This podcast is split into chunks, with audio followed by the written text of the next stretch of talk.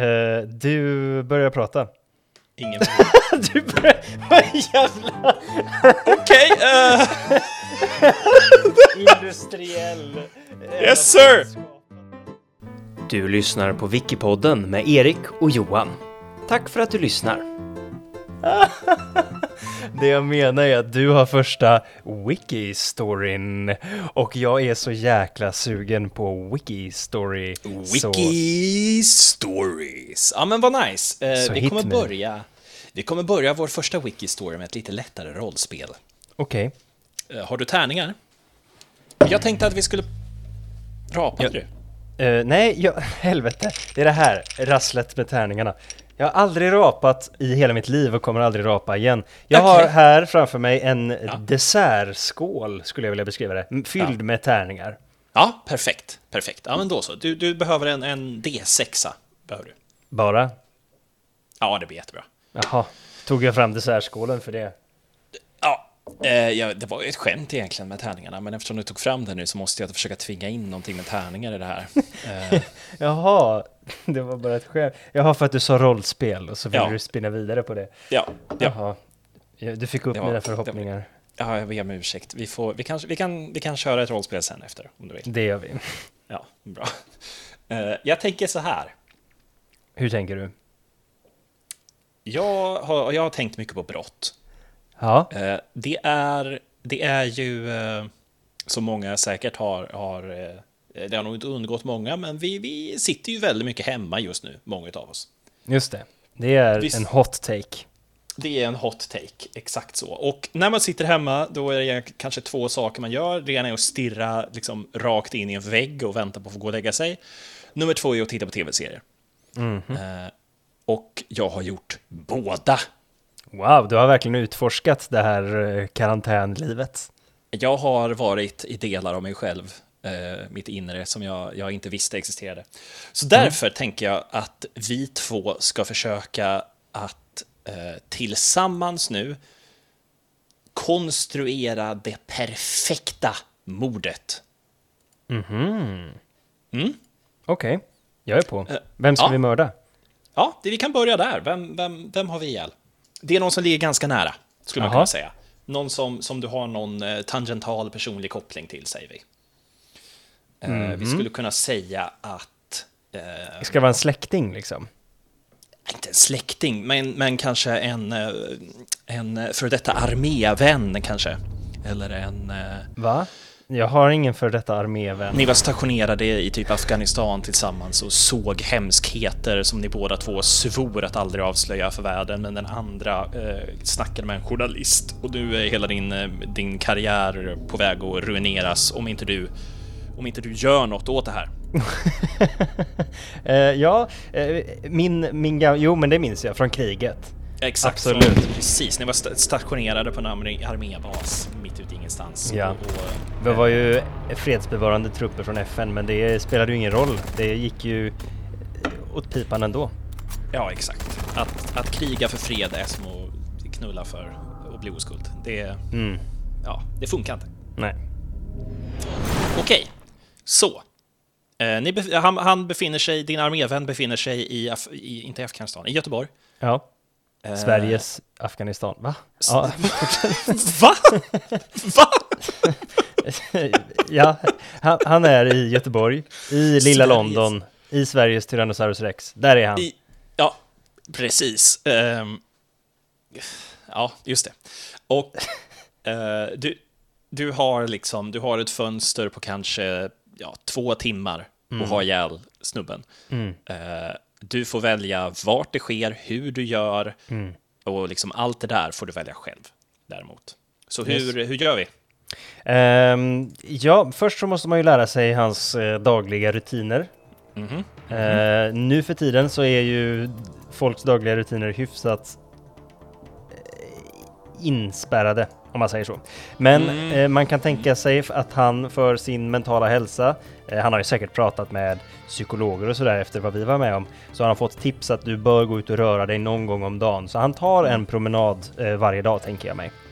Mm, Ehm. genom genom eh, någon park kanske? Genom en park, ja precis. Det brukar man ju Åh, vilja. vet du vad som hade varit läckert? Vad hade varit läckert? Den här eh, Tänk på döden kyrkogården. Ja, som ligger precis här bredvid mig. Ja, ja, ja där är Eh, han ute och går. Ja, vid, eh, vid svingen är han ute och Ja. går.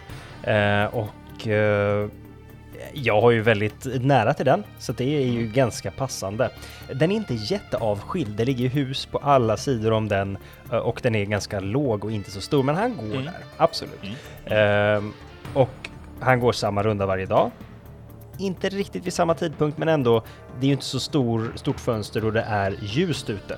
Mm. Så han vill ändå ta sig där. Eh, så man kan hyfsat eh, bra räkna ut när han ska vara vid den här kyrkogården. Jag ställer mig bakom ett träd. Jaha. Ehm, hmm, hur, ja, hur fan kommer man undan med något? Jag tror, att, jag tror faktiskt att Mhm. det lättaste sättet det är att eh, ha en bil utan skyltar parkerad precis där vid eh, svingen. Mhm, mhm. Gå fram och skjuta honom. Iklädd liksom mask, för det kan man ju ha nu för tiden utan att det är något konstigt. Just Handskar. det, Ja, utnyttja Ehm, pandemin. Ja. Uh, och allt det som det kan bli spår av, uh, alltså krutstänk, vad som helst, det slänger man. Uh, I liksom en... Eh, ja, vad fan. Först så sätter man sig i bilen, kör det. Man har skjutit honom med en med ljuddämpad pistol. Jag vet inte Mm. hur ljuddämpade pistoler är egentligen, men man skjuter Inte honom med jätteljuddämpade. Nej, folk kommer upptäcka det här och springa och få panik. Men jag springer i alla fall till bilen, låtsas som att jag också har panik. För att undvika de första misstankarna. Liksom hoppar in i Ah. bilen, kör där iväg. Eh, det är ju i och för sig i innerstan, de kan ju ganska lätt... Det är svårt det här Johan, det är svårt. Eh, Så fort jag kommer på någonting så är det så... Direkt, Kommer det ett problem i vägen hela tiden? direkt Ja. kommer ett problem i vägen. Ja, Det är den här jävla förmyndarstaten, vet du. ja, man får inte göra någonting. Okej, eh, ny plan. Ja, ny plan. Okej. Jag går upp på berget som är där vid eh, där man ser Ullevi ifrån. Ah, jag tror att man där... Ullevi eller... eller... Eh, man ser ga, gamla Ullevi ser man därifrån. Ja, Jag mm. tror att man också ser in på kyrkogården. Där lägger jag mig med ett snipergevär. Ah, Okej, okej. Oh, är det kanske... Är det så ironiskt att det är ditt gamla armévapen du, du har fått tag på? Så är det. Eh, så är det. Fast det kan ju verkligen kopplas till mig för att de kommer ju undersöka den här snubben, se att det är en kille som var med i armén. Kolla vad han, hans polare, ja den här snubben är ju men- krypskytt. Men skitsamma, det- jag skjuter honom med det geväret. Ehm, och därifrån det berget, Mm. där är det mycket lättare att ta sig därifrån. För det är Okej. väldigt svårt för folk att fatta vart kom det här skottet ifrån. Det ekar ju liksom. Det kan man ju se sen, långt senare i analysen. Skottet kom från den riktningen, men då har ju redan stuckit såklart. Ja, ja, ja. Ehm, och eh, ja, då sticker jag till skogs. Då sticker jag upp, då sticker jag till Tiveden. Du sticker ut i tvn, Ja. där alla laglösa bor. Ja, Ja. Och så håller jag mig jävligt eh, låg profil ett tag. Tills det är över. Liksom. Tills det är över, tills man har släppt det. Okej. Ja. Det finns Ja. många luckor i den, men det, det Ja, lägger men jag vi- fram som ett första utkast. Som ett första utkast. Jag tycker det, det blir jättebra. Det duger jättefint. Mm, tack. Eh, vi vänder på steken nu, helt enkelt. Lite. Oj, ska Nu jag är bli det så mördad? här.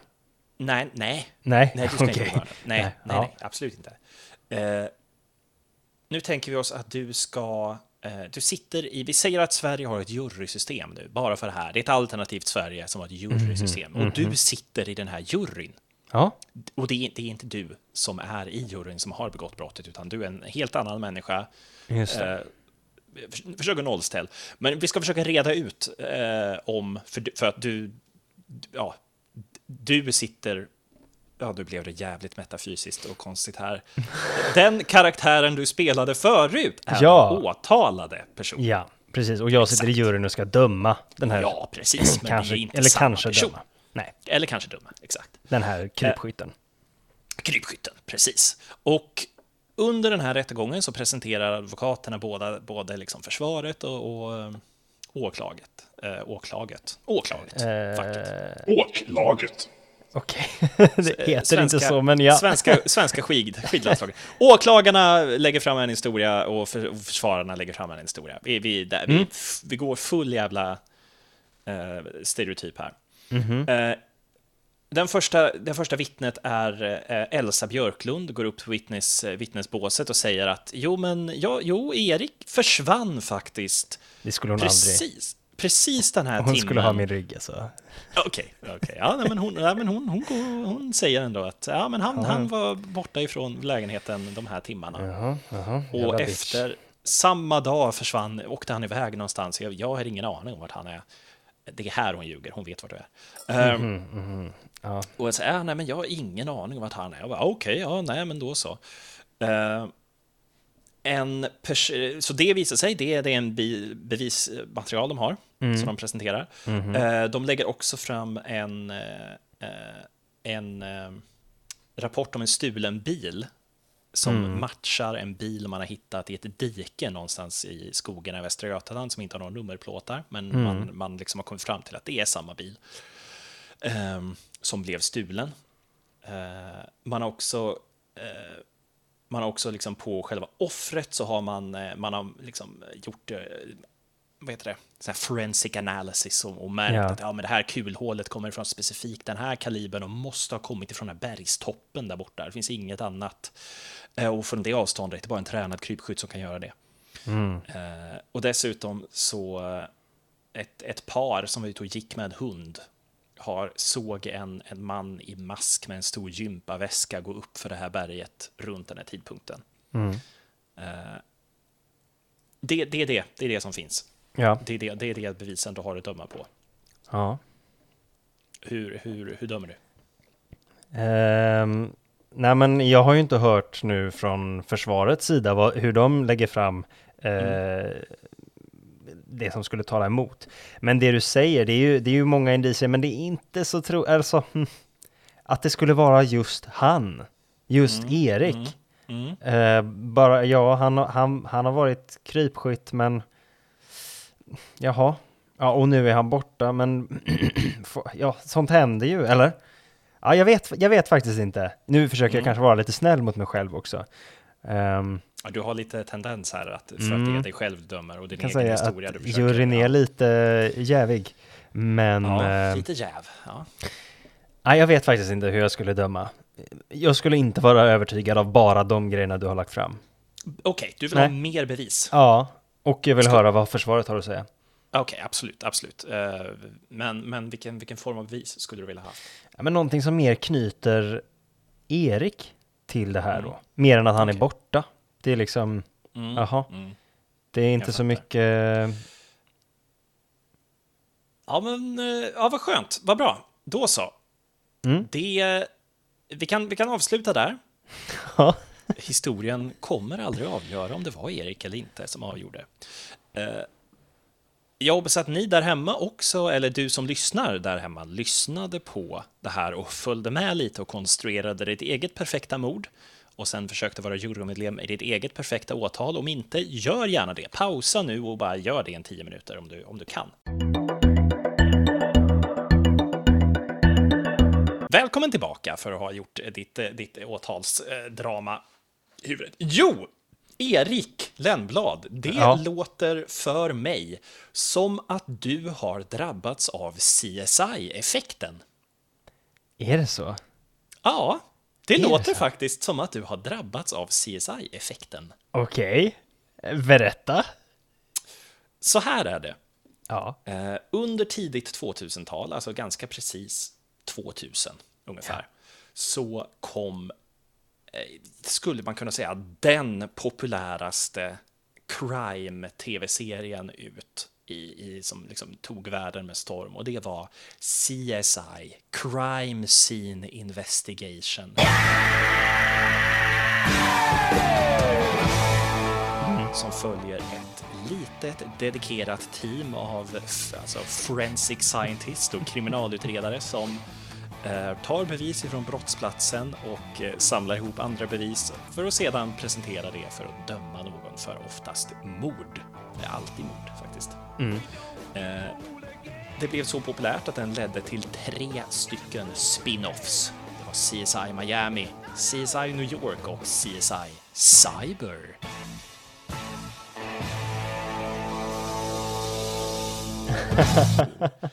Eh, och naturligtvis då bara vanliga Vanilla CSI. Mm. Eh, men det finns ju naturligtvis också American Justice, Cold Case Files, Cold Squad, Exhibit A, Secrets of Forensic Science, Forensic Files, Silent Witness, Silent Witness, Walking the Dead eh, och Bones, Cold Case, Criminal Minds, Crossing Jordan, Navy CIS, Numbers med en trea istället för E, Wire in the Blood och Without a Trace. Jag och Elsa tittar faktiskt just nu, inte just nu, men vi Mm. har eh, som, vi tittar igenom alla Beck-filmer. Vi har kommit Ah. halvvägs ungefär. Så att eh, jag har absolut eh, drabbats av, av det tänket. Jag tittade ju på det här scenariot som, i, som Beck-scener. Ja, precis. Exakt. Man tittar på det som att det är en filmscen, eller hur? Det var därför jag ville dramatisera det lite med att det var den här kyrkogården och mm. prickskyttegevär, den dramatiska ironin och eh, poetisk rättvisa och allt det där. Absolut. Eh, men, så här är det. CSI är inte verklighet. Nej, Och alla de här polisdramerna är ju inte verklighet. fast Beck är väl ändå verklig?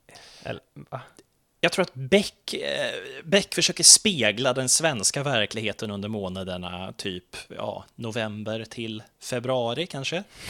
Eh, man ser ju aldrig en Beck-film som utspelar sig under midsommar ungefär, känns det som i alla fall. I alla fall, Eh, en av de här sakerna som, som är orealistiskt till exempel, det är ju att de här eh, brottsutredarna, eller vad man ska säga, de här crime scene investigators, de eh, det är inte som att de dyker upp, tar vetenskapliga bevis ifrån platsen och sen skickar det till ett labb.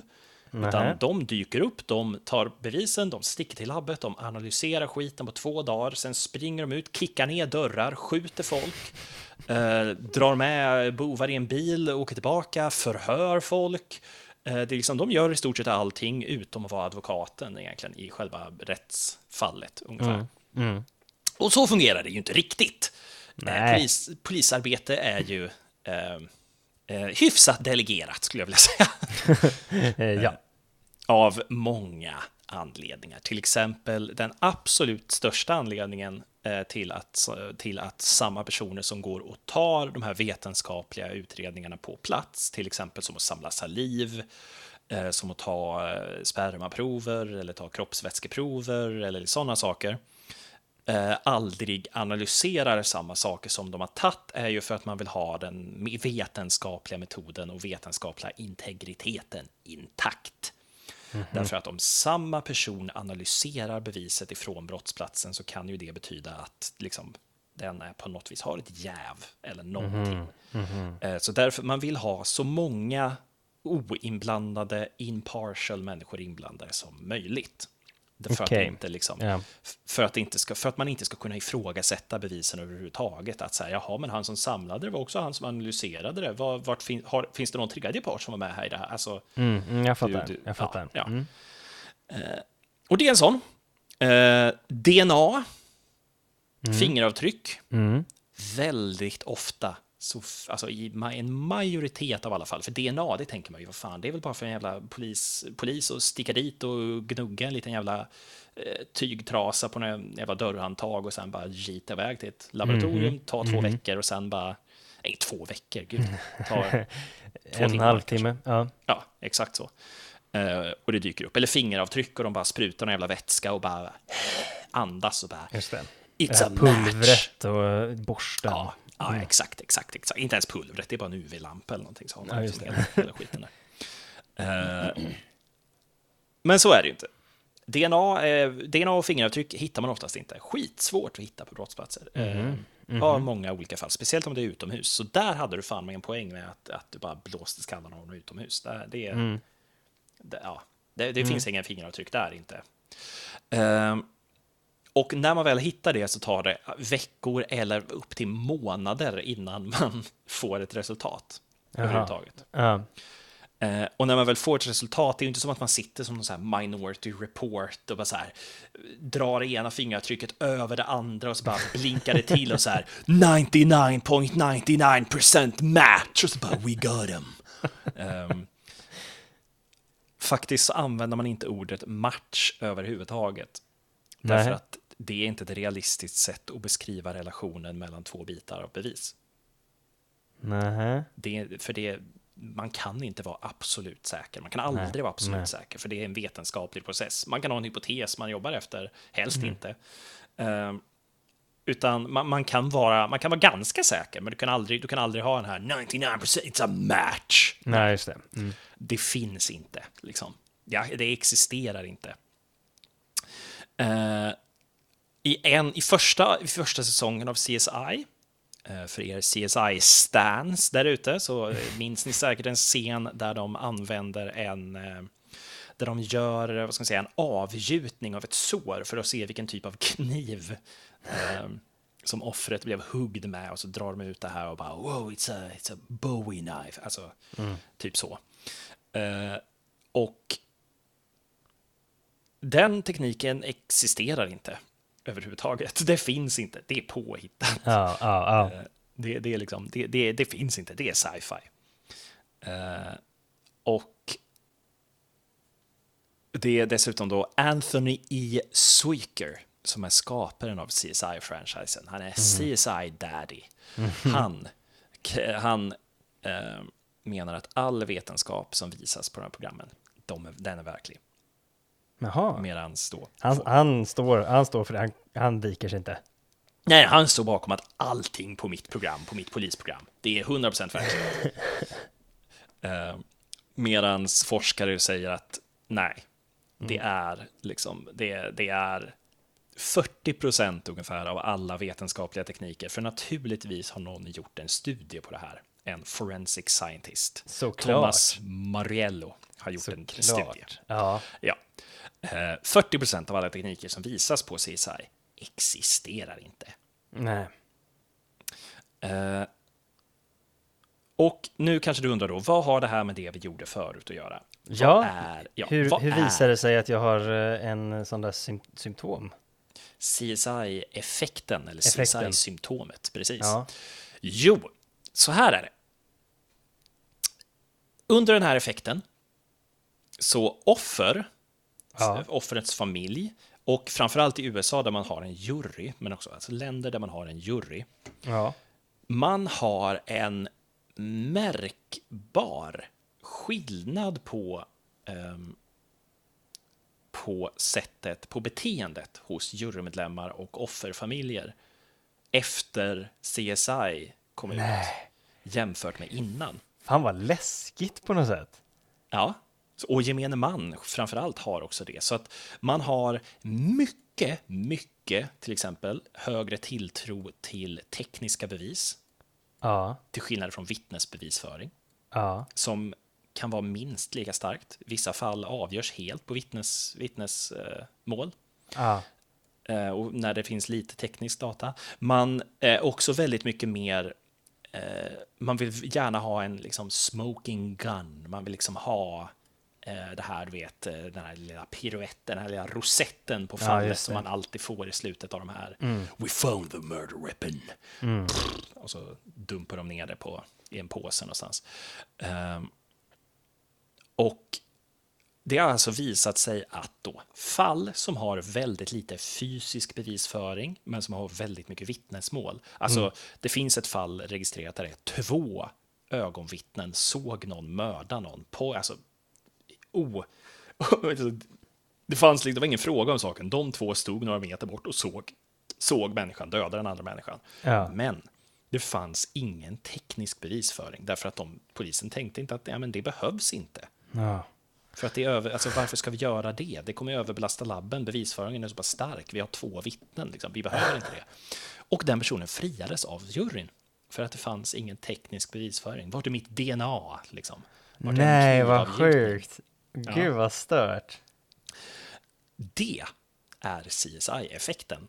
Vilken tur att vi har en jury. Att vi inte har jury på det sättet menar jag. I Sverige. Ja, det, absolut. Men CSI-effekten sträcker sig ju då inte bara till jurys. Mhm. Eh, utan det sträcker sig även till arbetet som polis, eh, polis gör. Åh nej.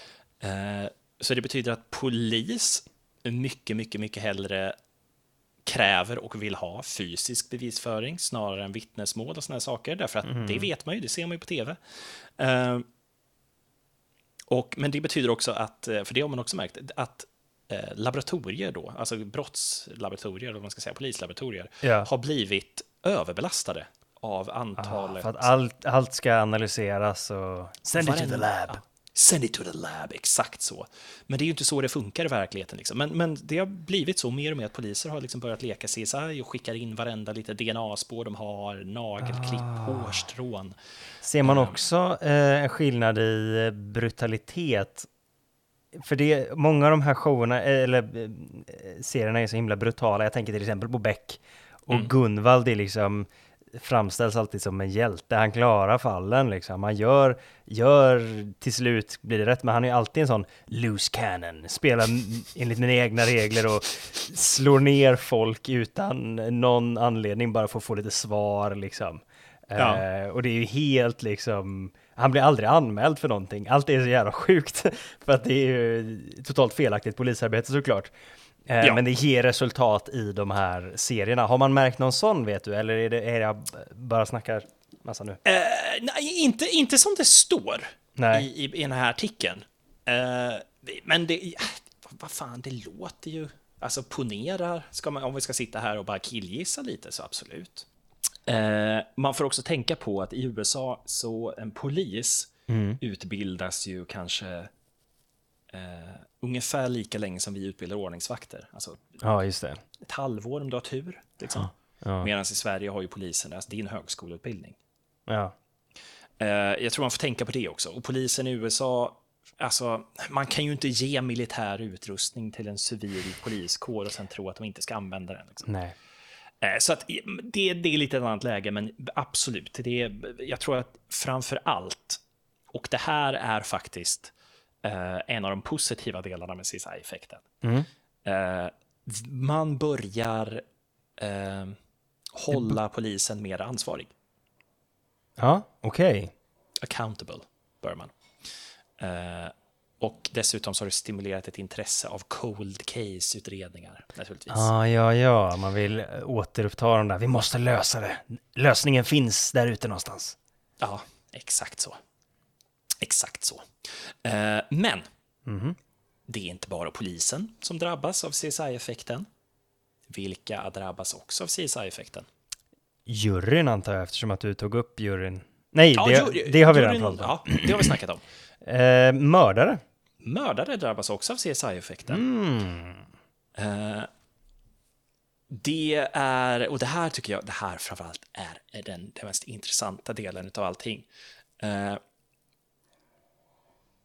man har börjat lösa ungefär 5% mindre under perioden 2000 till 2005, alltså när CSI var på sin höjd i USA, så eh, löste man ungefär 5% mindre våldtäkter i USA.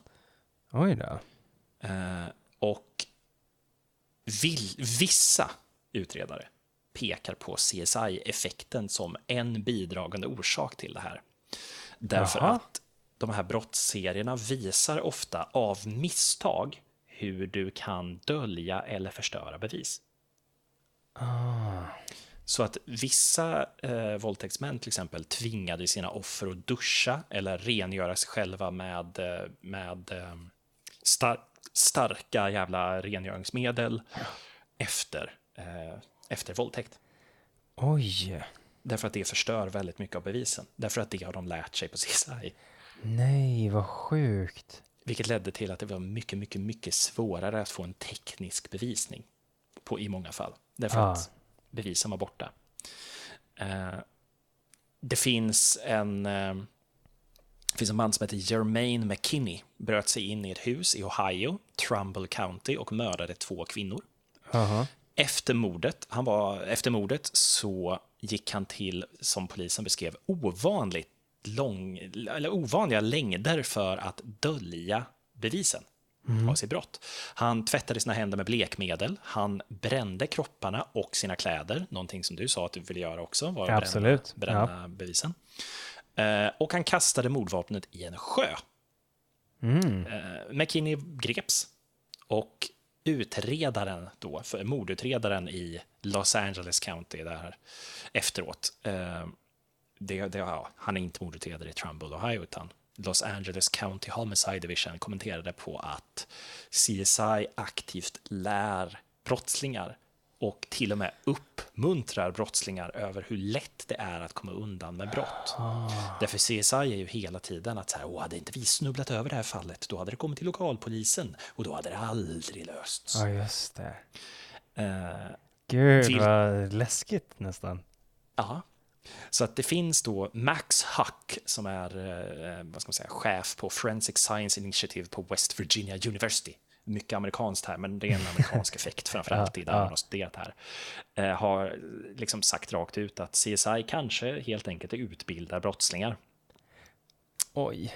Vad jobbigt ändå att vara eh, skapare av det där. Och ha Ja, liksom li- orsakat det lite.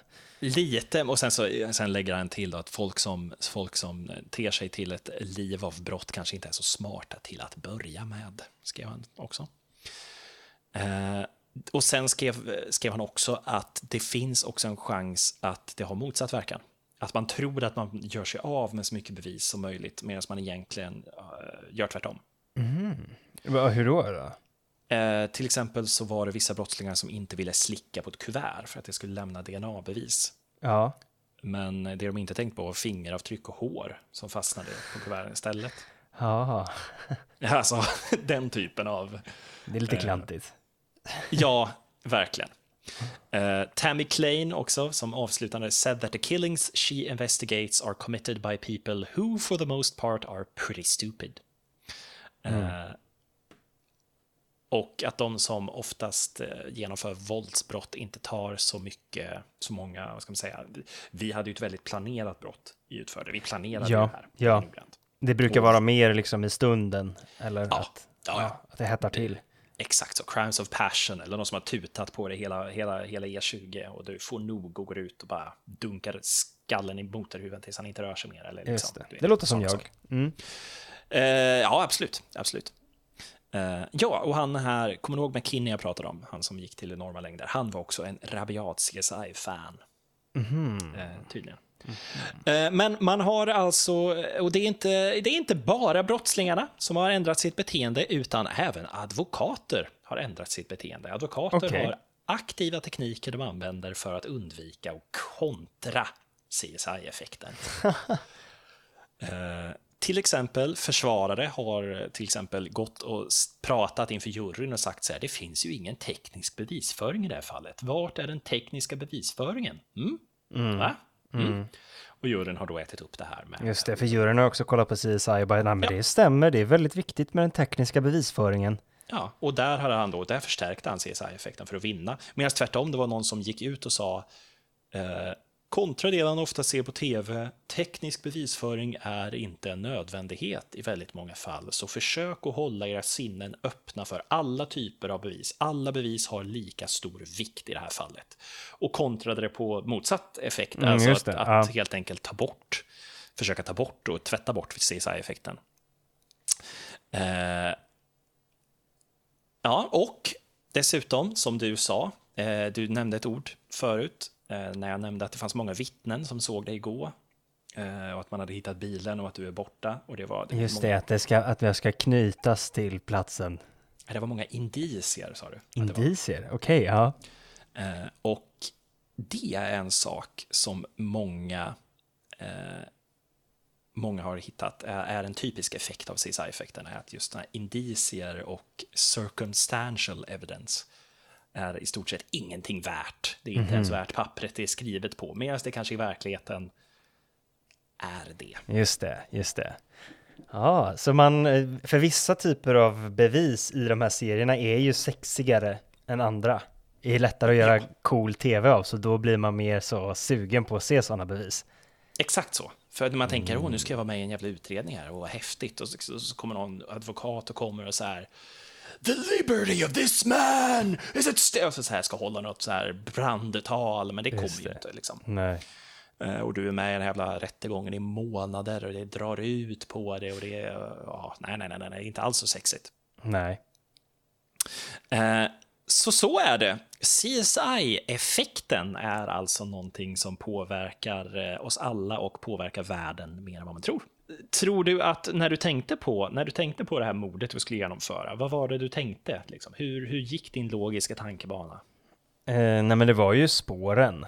Vad ska man inte, man ska inte liksom ha varit där, man ska vara ett spöke. Ja, ja men det var väldigt, du, det, ja, du tänkte mycket på den tekniska bevisföringen. Mm. Du distanserade dig från målet så att du inte behövde tänka på fingeravtryck och Ja, ja, krutstänk visst. och hit och dit. Och, men du tänkte ju kanske inte på till exempel att du bor ju med någon, du bor i en stad, Mm. där det är människor runt omkring och de ser dig gå och det är liksom så här. Och det är ju också bevis liksom. Så att jag, faktiskt, jag såg faktiskt motsatsen till eh, CSI-effekten i en... I ett, i, det, det här är typ den enda biten av Hem till gården som jag minns. Men det är en liten scen av Hem till gården. Jaha. Eh, där det är en snubbe som har bajsat på ett skrivbord. Det är en jättestor hög med bajs på ett skrivbord. Eh, och den här kvinnan som, som äger det här skrivbordet står med en polis bredvid det här skrivbordet med den här stora rykande högen av människobajs. Och säger liksom så här, men ta be- DNA-bevis eller någonting på det här. Det är ju bajs här, det är bara att ta DNA-beviset. Ungefär. Och vad polisen säger liksom, ja, ja, det funkar ju inte så. Vi kan ju inte bara ta DNA-bevis för att ta DNA-bevis. Det är inte så polisarbete funkar liksom. Eh, Nu har du sett för mycket på TV. Och det var det liksom. Han kom Jaha. undan med det för att... eh, det- Hem till gården är en förebild för oss alla. Av alla jävla program så är det Hem till gården liksom som prickar in. Man gör det.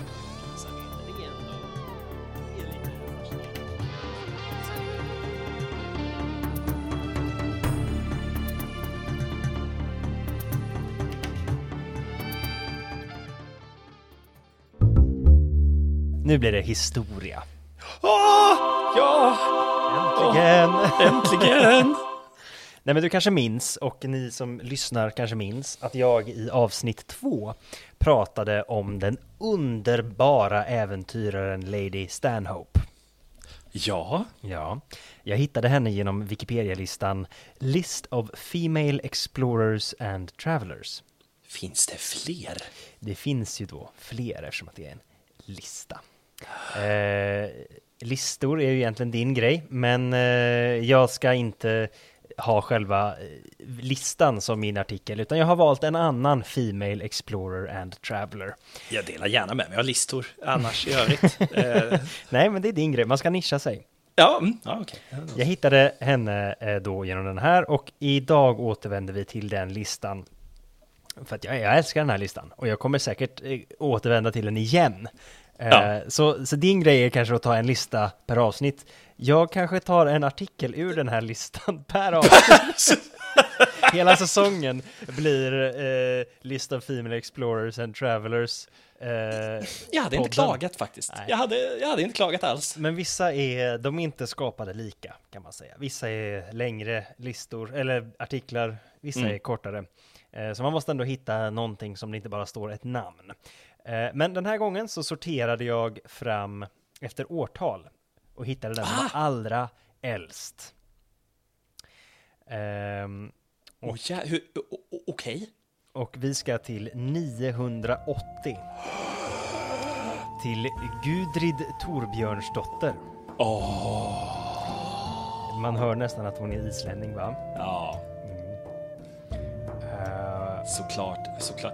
Är det någon jävla så här, släkt, är det någon saga vi ska få? absolut. Ja. Absolut. Det hörs ju hon är islänning och Island under den här perioden det är mer spännande plats än man kan tro. Eh, Det är lätt att tänka Island som en karg sten ute i havet utan sol. Eh, Och så är det ju även Ja, då såklart. ja. Men ehm, under den här perioden som Gudrid Torbjörnsdotter, Dottir, alla namn är lite försvenskade ibland. Ja, ja. Ehm, den här perioden så är Island mitt i liksom en förkristningsprocess. Mm. Mm. Så det är en slags reformation som sker. Jag, jag har ju läst Njals saga. Ja, isländsk litteratur, klassisk isländsk litteratur, är Ja. ju fantastisk. Ja. Eh, nej, men det, faktiskt, det sättet de jävla böckerna är skrivna på är... eh, eh, alla repliker är som att liksom någon ac- 80-tals actionhjälte säger dem. Det är som helt, helt känslolöst. Allt, ingen känsla i någonting. Det är bara rak objektivitet i allt som skrivs. Eh, är det är underbart där. Förlåt. Eh, ja, nej, det, det absolut. Ehm, det vi vet ifrån, uh, ja, det- dels så, Island är i en förkristelseprocess och Mm. de första, den första bebyggelsen av Grönland sker. Oh. Eh, och allt som vi vet om Gudrid, eh, det kommer ifrån två sagor. Mm. De kallas ju för saga. Det är inte som eh, liksom bröderna Grimm på det sättet saga. Det är inte Askungen, utan de här sagorna, det är liksom den historiebeskrivning som finns ifrån den tiden. De kallas Ja, för de saga. ja, och de de, är ju lite fantasifulla. Eh, en del grejer kommer vi märka, kanske man kan ta med en nypa salt. Ja, Eh, men hon förekommer i två sagor, Erik den röde saga och Grönlänningasagan. Det här är inte några, det här är tungviktare. ja, för fan, det är några, det är ju, nu snackar vi popkultur igen. Ja visst. Ja, det, här, det här är ju popcorn isländsk litteratur. Eh, men vi får reda på att hennes farfar, Vivil, kom till Island, inte som fri man, men som slav. Nej. Visst. Och inte från Norge som man kanske kunde tro. Som jag tänkte att alla islänningar kom från Norge. Eh, men Vivil kom från Irland. Där Åh, blev han fan. slavtagen och tagen till Island. Ja. Kelt. Ja, lite coolt. Eh, eh, det har inte jättemycket att göra med Gudrid, eh, men det var lite spännande tyckte jag, som en första liten kuriosa. Men eh, det var framförallt spännande eftersom att hennes pappa då, Gudrid, Ja. eh, och han, får vi tänka att hans pappa kom dit som slav, men han själv hade lyckats bli någon slags hövding. Off, rags to riches. Ja men verkligen. Eh, de hade väl någon slags, nu har inte jag, det är inte det här det handlar om, men jag tror att de hade någon slags semidemokratisk grej med ting och hela kivitten, så att det var inte helt otänkbart att gå från rags to riches, så att säga. Nej, nej, Island har väl det äldsta, den äldsta, som man ska säga, riksdagen, eller vad man ska säga, i världen, jag för Ja, mig. ja. Precis. Eller som har varit samma riksdag längst då. ja, jo, jo, precis, precis. Eller vad man ska säga, och det är ju tinget. Ja. Ehm, det som är också lite lustigt med att hennes farfar var slav, det var att hennes pappa då, hövdingen, Mm. han fick ett bud från en annan snubbe som ville gifta sig med Gudrid. Mhm. Men eftersom att den här snubbens pappa var slav så nekade Gudrids pappa till det, trots att hans egen pappa var slav. Eh, det, var lite, det var lite roligt. Ja, ja, ja. Skit i vem som var slav och vem som var... Eh, det, det var bara lite kuriosa. Okej, Hennes okej, mm. pappa, hövdingen, han var polare med en man vid namn Erik den röde. Vad vet du om Det- Erik det- den röde? Det är Stanhope igen. Ja, Eh, det här är, det är lite på samma sätt som Stanhope eh, fanns i liksom det övre skiktet överallt så är Gudrid i det övre skiktet i Islands eh, historien ja, liksom. det är, det är alla, alla fornordiska kändisar istället kommer och eh, säger. Jag vet faktiskt inte så mycket om Erik den röde. Jag minns Erik den röde ifrån Age of Empires 2. Mhm, Det är därifrån jag minns Erik den röde. Men utöver det har jag faktiskt jävligt dålig koll. Han kom från början från Norge Mm. och eh, flyttade till Island. Där eh, blev han bannlyst, typ fler gånger tror jag, eh, Oj. I, i det här tinget då igen. Ja, han blev bannlyst i tre år och fick liksom sticka från Island och då, Mm. eh, om jag minns rätt, så eh, började han, det var han som var, eh, han brukar få cred för att ha upptäckt Grönland. Det är inte riktigt sant. Det finns beskrivningar av Grönland typ hundra år tidigare, men han var den som först lyckades bygga eh, någon slags eh, bebyggelse på Grönland.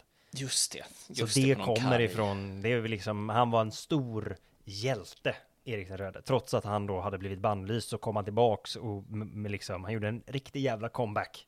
Jag har erövrat en ny karg ö utan någonting förutom fisk. Precis, den är till och med kallare och mindre beboelig. Och kargare. Och har ursprungsbefolkning. Dessutom. Ja, eh, och eh, den här jävla ön, Grönland, den är ju inte så jävla beboelig, men han lyckades köra någon slags PR-kampanj och fick liksom folk att flytta till eh, Grönland. Det sägs att det är därför det heter Grönland. Ja, För, att, det. Ja. eh, för att visa, det här är en grön och bördig, Bördig. ö. Vi kan flytta liksom. Ja, ja. Eh, på samma sätt som man gjorde i, för att folk skulle flytta till Amerika. Eh, under... under Ja, det är kärnvapen, eh, kärnvapenöknen som är Amerika. Det finns ju inte ett träd på hela kontinenten. Nej, Amerika är ju lite mer det förlovade landet. Eh, men han, försö- han gjorde det här PR-grejen med Grönland Ja. och det verkade lyckas hyfsat bra, för han fick ändå islänningar att flytta dit. Kanske var det folk som var trötta på tinget, eller vad som, men han fick Alltså, några. fan, vik, vikingar är ju äventyrare i, i, i själen, känns det som då. Mm. Så är det ju. Ändå undligt på något vis. Men- liksom, några som tyckte att det lät lite fett med Grönland, det var Gudrid och hennes pappa. nej men, de var inte, det var inte kargt och, och klippigt nog för dem. De, de, vi vill ha mer. Vi ska ha mer, så de åkte med Erik, och då får vi ju också tänka på att hennes pappa var ju polare med Erik den röde. Ja, just det. Eh, Så de fick kanske lite lyxigare resa. I don't know. Fir- First adapter bonus kanske. Ja, säkert. Early, early adopter, just det. Så. Early access fick de till Ja, Greenland. Eh, Greenland. Vi har nu lanserat Greenland i Early Access. Eh, Alfa-versionen kommer att ha en eh, liten stuga på en blåsig karg kust. Eh, Just det, och förbeställer du nu så får du ett Weibo-skin. I alla fall. Eh, ha tålamod med att det kan väl ta ett tag innan Grönland är färdigt och eh, rapportera eventuella buggar du hittar till Erik. Grönland låter fett, tyckte de. Så de Ja. seglade med Erik. Det var inte så fett. Eh, och på båten som lämnade Island var det ungefär, det var de, eh, det var Gudrid och pappa, och så var det Erik och så var det typ 30 pers till. Åh fan. Men på båten som lade till i Grönland, då var, det, då var vi nere på 15, 10 Nej. någonting. Nej! De andra hade dött på vägen. Va? Uh, jajamensan, det var sjukdom och shit som, som bröt ut på den här båten. Men herregud. Men bland de levande fanns både Gudrid och hennes pappa och Erik den röde. Ja, det, tacka fan då. S- Sek de, de har dött och historien var slut här. Eh, nej, nej, den har bara börjat. Det var, Eh, det var hennes äventyr. Liksom. det var hennes äventyr. Ja. Men Erik den röde, jag ber om ursäkt, det här kommer handla en del om Erik den röde och hans släktlinje Ja. också. Och, Jag eh, ha- men jag, jag kommer ha- sammanfläta dem. Okej, okej. Så, så håll ut. Jaså? Shit, Jodå. shit, shit, Du får tänka på att Erik eh, var ju då i ålder med Gudrids pappa. Jag har, Men här har det någonsin betytt någonting. jag har valt nu lite att ta bort så många namn som möjligt för att göra det så lite eh, förvirrande som möjligt. De har ju också så jäkla knepiga namn ibland. Va? Men Ja, Erik den tackar. röde, eh, han var ju själv en storfräsare i historieböckerna. Och han hade en son som till och med lyckades överskugga sin far. Och ve- vem var det? Vem var det, Johan? Erik den röde hade en son som överskuggade sin... Eh, Ra- Ragnar Lodbroke. Nej, han det- hade ju nej, då... han var son till. Han nej, hade son ju då till ett sånt här efternamn. De hade ju inte efternamn, de hade ju namn efter sin far. Så han, vad hette han i Röde efternamn? Orm. Nej, Röde. Hette han. Son! Leif Eriksson! Leif. Eriksson är Erik den rödes son faktiskt. S- såklart. Så är det. Leif Eriksson, för de som inte vet, han är ju eh, en ännu större lirare än Erik den röde. Han var ju den som då eh, landsteg i Amerika först av alla europeer. Det sista de var 30 personer på båten till Amerika till att börja med. Han, han var ju såklart inte där själv, men det är han som får all cred för att ha upptäckt och eh, landstigit i Vinland, som de kallade det. Ja, just det. Just det. Vart låg Särkland? Vet du det? Särkland, det är väl Turkiet? Ja, Mellanöstern. Mellanöstern, ja. Okej. Ehm, han... eh, ja. Och enligt en av sagorna som det här grundar sig på, då Grönlänningasagan och Erik den röde saga. I en av sagorna eh, så gick den här båten som var på väg till Grönland med Gudrid och hela Mm. konkarongen, det gick på grund. Nej! Och Leif Eriksson kom själv ut och räddade dem. Ehm, och i den här sagan, Grönlänningasagan är det, som verkar Ja. vara den lite roligare av de två, så var Gudrud, Gudrid gift med en norsk handelsman som också var på båten. Och han överlevde också resan, bara för att senare dö på Grönland på grund av sjukdom. Nej, nej, det är lite som, fan det är Utvandrarna. Ja, det är Utvandrarna, fast i Grönland. Eh, och... eh, Fy fan vad deppigt! Riktigt deppigt. Nästan tusen år tidigare. Eh, så eh, han dog på Grönland och oavsett då vilken saga man följer nu så är hon singel och på Grönland. Med de två, två största vikinganamnen i, i historien. Det här kan bara sluta på ett sätt. Visst, visst vill man ha lite Kärlekstriangel. smatt. Man vill ha lite romantikbok Ja. som skriver om det här. Det finns ju säkert. Jag, tänk, jag, tänker mig, jag, tänker mig, att, jag tänker mig att Erik den röde är den här, ja men Leif, eh, Erik den röde är lite den här tillbakadragna fast stoiska, snälla eh, mannen. Mm. Medan Leif Eriksson är den här lite hårda, lite elaka mannen fast med ett mjukt inre. Mm. Och hon slits mellan de här två männen i en dramatisk kärlekstriangel. Låt eh, mig då saga. introducera en tredje person. Nej! Vad är detta? Eh, Gud, jag tänker som en Hollywood-producent nu. men oavsett om hon hade en man eller inte Ja, så ja. säger båda de här Helt sagorna att hon till slut gifte sig med Torsten. Va? Torsten är en lite Flink. mindre häftig bror till Leffe själv. Eh, så det är Leif Erikssons brorsa och också Erik den rödes son då, såklart. Ja, men liksom han som blev jurist istället för vikingahövding. utforskare. Precis, Ja, Eh, det var nej. Torsten. Nej. Torsten Men Eriksson. de, de hade det säkert jättebra. Du vet, hon, hon slet mellan de här två, men hittade till slut lugnet och den Mm. förstående familjefadern hos Torsten, tänker jag. Ja, just det. Ja, men det här gillar vi. Det här gillar vi. Eh, hon blir säkert mycket lyckligare med Torsten, även om det kanske var mindre passionerat än vad det var med Leif. eh, de här sagorna... Mitt chip!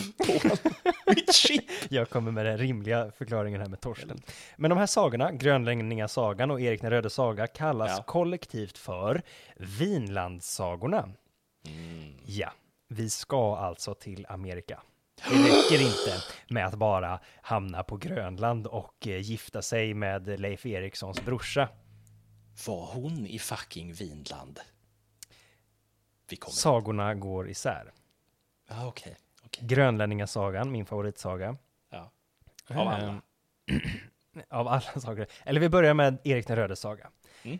I den så åker Torsten, eh, Torsten Eriksson alltså, han åker till, eh, eh, till Amerika ett tag, då, eller till Vinland, för att eh, leta efter sin bror. Alltså en tredje bror.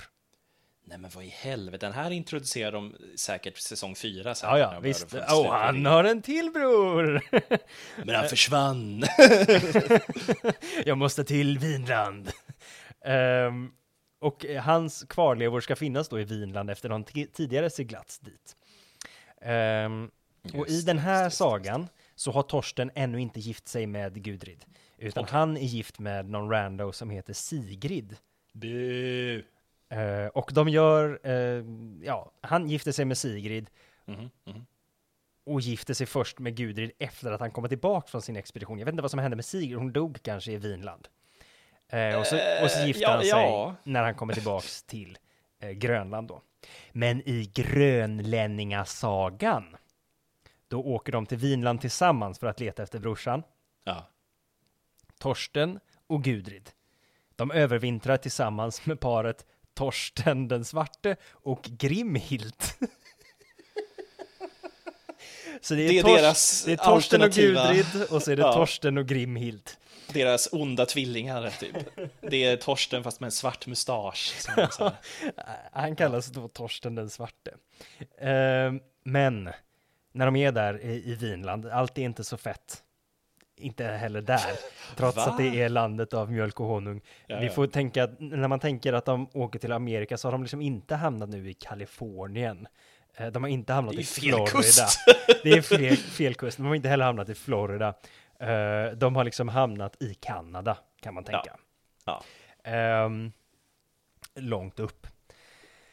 Eh, men de i alla fall, de övervintrar där med... Jag, jag vill bara lägga till att om Hollywood någonsin gör en filmatisering av det här, jag Mm. tänker mig lite Outlander-känsla om man har sett Outlander, att de är så här, ja, vi måste iväg och leta upp min släkting som är i Vinland. Och man bara, oh, då är det ju garanterat att de är i Sydamerika och det är så här Ja, ja. aztektempel överallt. Absolut, Och, absolut. Att de kommer till Karibien eller något. Ja, precis. Och så måste de liksom slåss med yxor mot eh, blåspipor och såna här Ja. grejer. För att det är Hollywood som gör det. Liksom, och det är 100 procent att de, De tänker att Leif Eriksson var Columbus. Leif fast- Eriksson fast tidigare tre, bara. Ja, tre meter lång och har horn. Ehm, I alla fall, de övervintrar Ja. på Grönland. Eh, Gudrid och Torsten övervintrar med Grimhild och eh, den andra Torsten. Fan Eh, vad fett. Men då kommer sjukdomen och Nej. vår sagas Torsten, alltså Torsten Eriksson, Ja. han dör. Och Grimhild dör. Så nu är det Gudrud och Torsten den Och svarte. i, on, onde Torsten. Just det. Eh, men Torsten Eriksson, han är inte den som är den. Han tar tag i sig själv och återuppstår ifrån de döda. Eh, för att berätta om hennes framtid innan han dör igen. Okej, han har varit hos nornorna typ. Och... Eh, ja, det är nu, nu vi kommer in på sagoterritorium. Mhm, Eh, mhm. Detta händer även i den andra sagan då, men då dör han hemma på Grönland och vaknar upp och berättar sin profetia. Okej, istället för att... Men här skär de bort en onödig, eh, det Det, onödiga fettet. nej, för då är ju inte hon med på Vinland, får du tänka. Nej. Han kommer Nej, hem till Grönland igen och gör en grejen där. Ehm, jag tycker att det här är bättre skrivet. Det här är mer spännande att de är i Vinland. Ja, eller hur? Och övervintrar också. Jag vill bara... Eller Alltså, skulle du kunna liksom segla i en jävla långskepp till en alltså, främmande kontinent och bara vi måste övervintra här? Nej, det är så Vart- sjukt. Var fan börjar man ens liksom? det är så sjukt. De träffade, de träffade också på barbarer, som de säger. Ehm, men, eh, men det står inte så mycket mer om det. Men Nej, eh, nej. det var ju mycket på grund av det som det inte riktigt blev någon ordentlig koloni eh, där. För att det, de gick lite i clinch med urbefolkningen. Eh, Åh, men i ja, alla fall, ja. han, han levererar en profetia och den här Mm. profetian är i form av en to-do-list. Det är jäkligt sexigt. Av en rap battle? Rap battle. Eh, Torsten Eriksson säger att hon ska göra följande. Eh, hon ska giftas. Hjärtas mörka rum, där finns en dörr. Torsten Eriksson. Ja, okej. Eh, yes. Gudrid, du skall gifta dig med en islänning och få massa barn och, våran, eh, och din, din eh, släktträd kommer bli enormt. Gör det. Och sen ska du lämna Grönland och åka, för nu är det då efter att hon kommit tillbaka till Grönland ska hon göra det här. Lämna Grönland och åk till Norge. Okej. Sen, sen ska du åka tillbaka till Island. Mhm. Och sen ska du pilgrimma lite söderut. Okej. Och sen ska du åka tillbaka till Island. Ja, ja. Och till sist ska en kyrka byggas nära din farm. Okej. Eh, och det, du märker kanske att det finns en del kristna influenser här. Eh, och i Erik den rödes saga är det ännu mer sånt. Det är liksom att hon ska ge pengar till fattiga också och sådär. Återuppståndelsen och för att sen försvinna igen. Och... Ja, nej men eh, också det som han ålägger henne här att hon ska åka på pilgrimsfärd Ah, ja, söderut ja, ja. och att det ska byggas en kyrka och hennes farm. Och... Hon behöver piety-poäng. Precis. Ehm, men hon flyttar då tillbaks till eh, Grönland. Gifter sig med eh, någon handelsman som heter Torfin. Torfin, okej. Yes. Kalsefni. Torfin Kalsefni. Han var Ehm, hälften av mannen som Torsten var. ja, men enligt Erik den rödes saga så är han då en bra familjeman. eh, och, eller han har bra familj, alltså han har bra släktträd. Han är någon slags eh, Mm. adelsman. Eh, och är rik och har är väl omryktad eh, handelsman. Så. Ehm, Men till, till personligheten kall och ointressant. mm. Eh, Säkert. Han är liksom byråkraten. Eh, hon är, Men hon okej, bara men så- längtar tillbaks till hur det var med, Med med Torsten. Torsten. När de satt i Vinland och huttrade vid brasan och övervintrade och försvarade sig mot barbarer. Men Jag tänker att... ja, För att ändra bilden av den här Torfin, som du Mm. tänker han är så torr bara för att han heter Torfin, enligt grönländarnas sagan, Mm. eh, så gjorde de ett nytt försök att åka tillbaks till Vinland. Med Torfin? Ja, de två, och typ 60 pers, för att liksom bygga en koloni där. What? Och det är nu, det är det här som är liksom hennes riktiga claim to fame, det är den här resan som hon gör Okej, med Torfin. Okej. Ehm, de åkte dit med liksom massa djur och shit liksom. Och i, i Erik den röde saga så liksom eh, man, kan man skönja att hon följde med, men inte mer än så. I grönlänningarnas saga så är det liksom, hon var en av de ledande. Hon är huvudroll nästan. Hon är huvudroll i den Bra. sagan mer. Ehm, och när de är i Vinland under den här resan så föder hon en son. Som heter Snorre Torfinsson. Nämen. Som då skulle vara den första europe som fötts i Amerika. Coolt, eller? Riktigt coolt! Ja, Faktiskt. riktigt ja. coolt. Och det verkar ju enligt eh, olika källor att Snorre har funnits. Men det är, det är om han föddes där eller inte. Men det är, det är liksom inte så mycket som säger emot i alla fall, att han skulle ha fötts där. Finns det någon Eh. teknisk bevisföring? Man har hittat hans DNA. Ja, eh, okej, ja. På, eh, man har kollat med BB också. Eh, I Vinland, Vinlands BB och journaler där. Men man vet inte riktigt faktiskt om han föddes 1005, 1009, 1012 eh, eller 1013. Det är liksom däremellan någon gång kan han ha fötts. Ja, men det här med födelsedagar, vet du. Ja. Det, har vi, det har vi gått igenom. Ja, visst. Det, Det var svårt förr i tiden. ja, det var det. Eh, men på grund, i, enligt i alla fall Vinlandssagan så lämnade de Vinland när han var tre år ungefär, Snorre. Och då var det för att de hade lite bråk med de här barbarerna, skrällingarna, Skrällingarna. skrällingar på isländska. Åh, fan. Mm. Ehm, men och så åkte de tillbaks till Island då. Och sen, du minns att hon skulle ner och ehm, Pilgrimen. pilgrimma nere i söder. Man kan ju kanske tänka att den här profetian har skrivits i efterhand för att stämma in i hennes liv. Eh, Va? ja, Vad menar du nu? Jag tänker, förlåt, jag, måste också, jag tänker också att hon går omkring i liksom full jävla ringbrynja och med ett stort jävla spjut hela jävla tiden. Alltså jag tänker Ja. att hon är cool liksom. det är hon ju säkert. Det är hon ju Ja. verkligen säkert. Men hon är nog inte sådär, eh, hon har inte Alltså hon, från, från början i sagan, eller i alla fall det som står på Wikipedia, så erkänner hon sig till den kristna tron. Okej. Hon, är Ah, inte, okej. hon har inte, ingen asatro så. Det är till och med ett eh, tillfälle när det kommer in någon slags sierska eh, som ska utföra, när de är på Grönland då, eh, strax efter att de har kommit Mm. dit under någon vinter, så ska, är det en sierska där som ska utföra någon ritual för att de ska skyddas och då har hon liksom eh, väldigt starkt motsäger har- det. Detta ska vi absolut inte göra, detta är hednisk skit. Jag är kristen kvinna, jag tänker inte hjälpa till med sånt. Ja, allt skydd jag behöver är Gud fader. Typ. Precis. Och, ja, Men hon eh, ger sig till slut för att de säger liksom, ja men vi kommer inte tänka mindre om dig som kristen för att du gör det här. Vi behöver det här skyddet nu, kom igen. Och Gudrid är den som kan de här ritualerna bäst för hon har vuxit upp med det. Hennes mamma har lärt henne de här sångerna. Så hon utför de här ritualerna då mot sin tro, men för att skänka någon slags eh, tröst och skydd till folk. Ah, men det här gick vi, det här har vi också gått igenom i tidigare avsnitt. Att, eh, Ja, vi- förra avsnittet. När de, är, lite. när de är pressade så får kristna konvertera till en annan tro.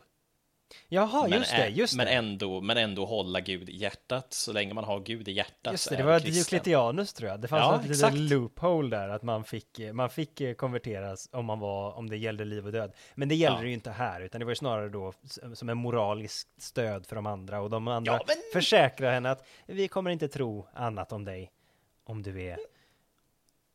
Eh, om, du, om du gör det här. Kom igen. Ja, men det, det, Kom igen, det, är en, det är ju ändå en, en god kristen handling. Ja, det tycker jag med. Det tycker jag med. Och hon var så pass kristen att hon pilgrimmade söderut.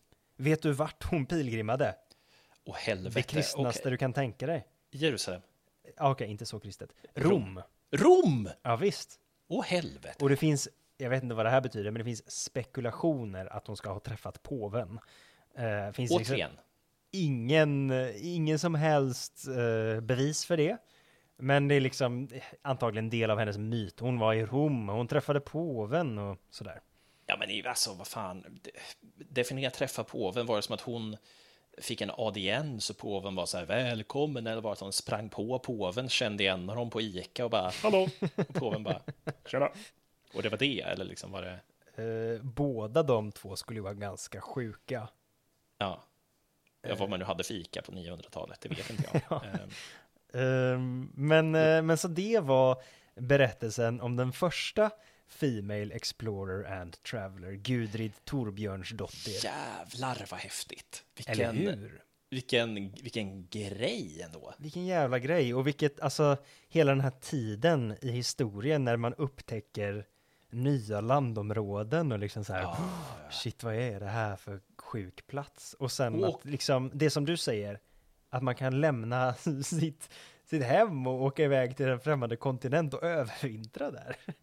Ja, men också, också tänk dig bara kunna ta, tänk dig att du tar en båt, du lastar den full med liksom folk, med trälar, med eh, boskap, kycklingar, byggmaterial.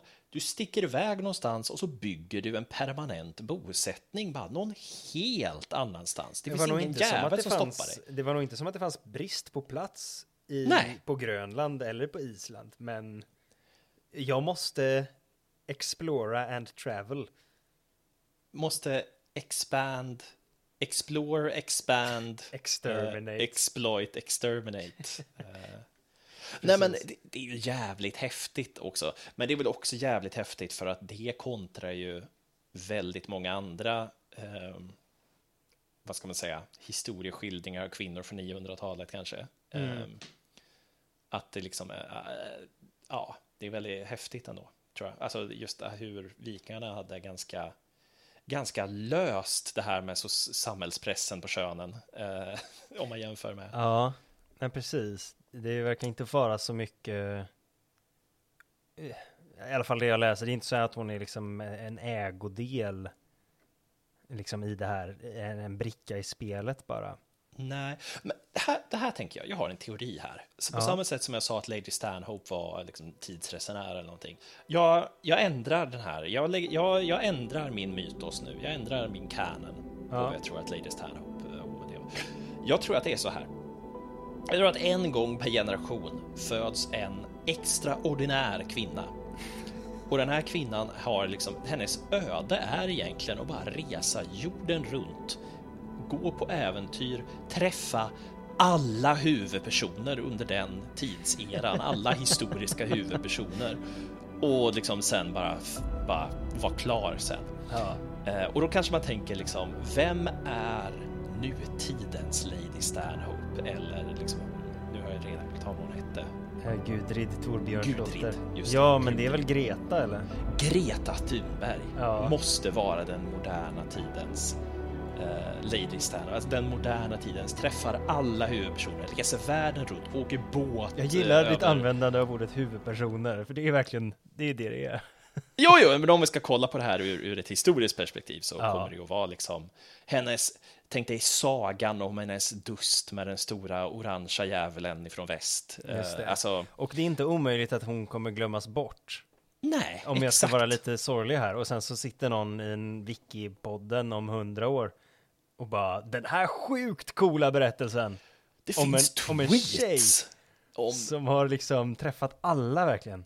På när hon var 14 år så tweetade hon en massa presidenter och grejer och de svarade och de Mhm. bråkade, de hade en fejd. Ask me who Joe is. Who is Joe? Joe Mama. How dare you? Garanterat om framtids, vår, våra barnbarns barn när de får ärva Wikipodden sen. Kommer ärva wiki-podden. Exakt så. Eh, då liksom, då, då kommer de och bara Greta Thunberg, jag hade ingen aning om existerade. Gud vad häftigt. Eh, Thunbergs saga kommer de berätta. om. Ja, det är ju väl, låter väldigt isländskt. Ja, nej men återigen, jag tror att det är, ja, du hade helt rätt, du huvud på spiken direkt där. Jag tror det är Greta Thunberg Mm. är liksom vår moderna tids, eh, Coolt. ja, Vår tids Lady Stanhope, fast mindre e- extravagant får man väl ändå säga. Det är få som är mer extravaganta. en Stanhope. Ja, det är, det är väldigt sant. Däremot så fick vi ju inte veta detaljer om Gudfrid heller. Hon kanske liksom, Gudrid. Gudrid! Mm. Inte Gudfrid. Nej, Gudrid. Gudrid, okej, Gudrid. Mm. Hon hade till och med Gud i namnet. Ja, hon rider fucking Gud. Fattar du hur mäktig hon är? Okej, tack. Ja, det var kanske allt för, för Wikipodden den här veckan.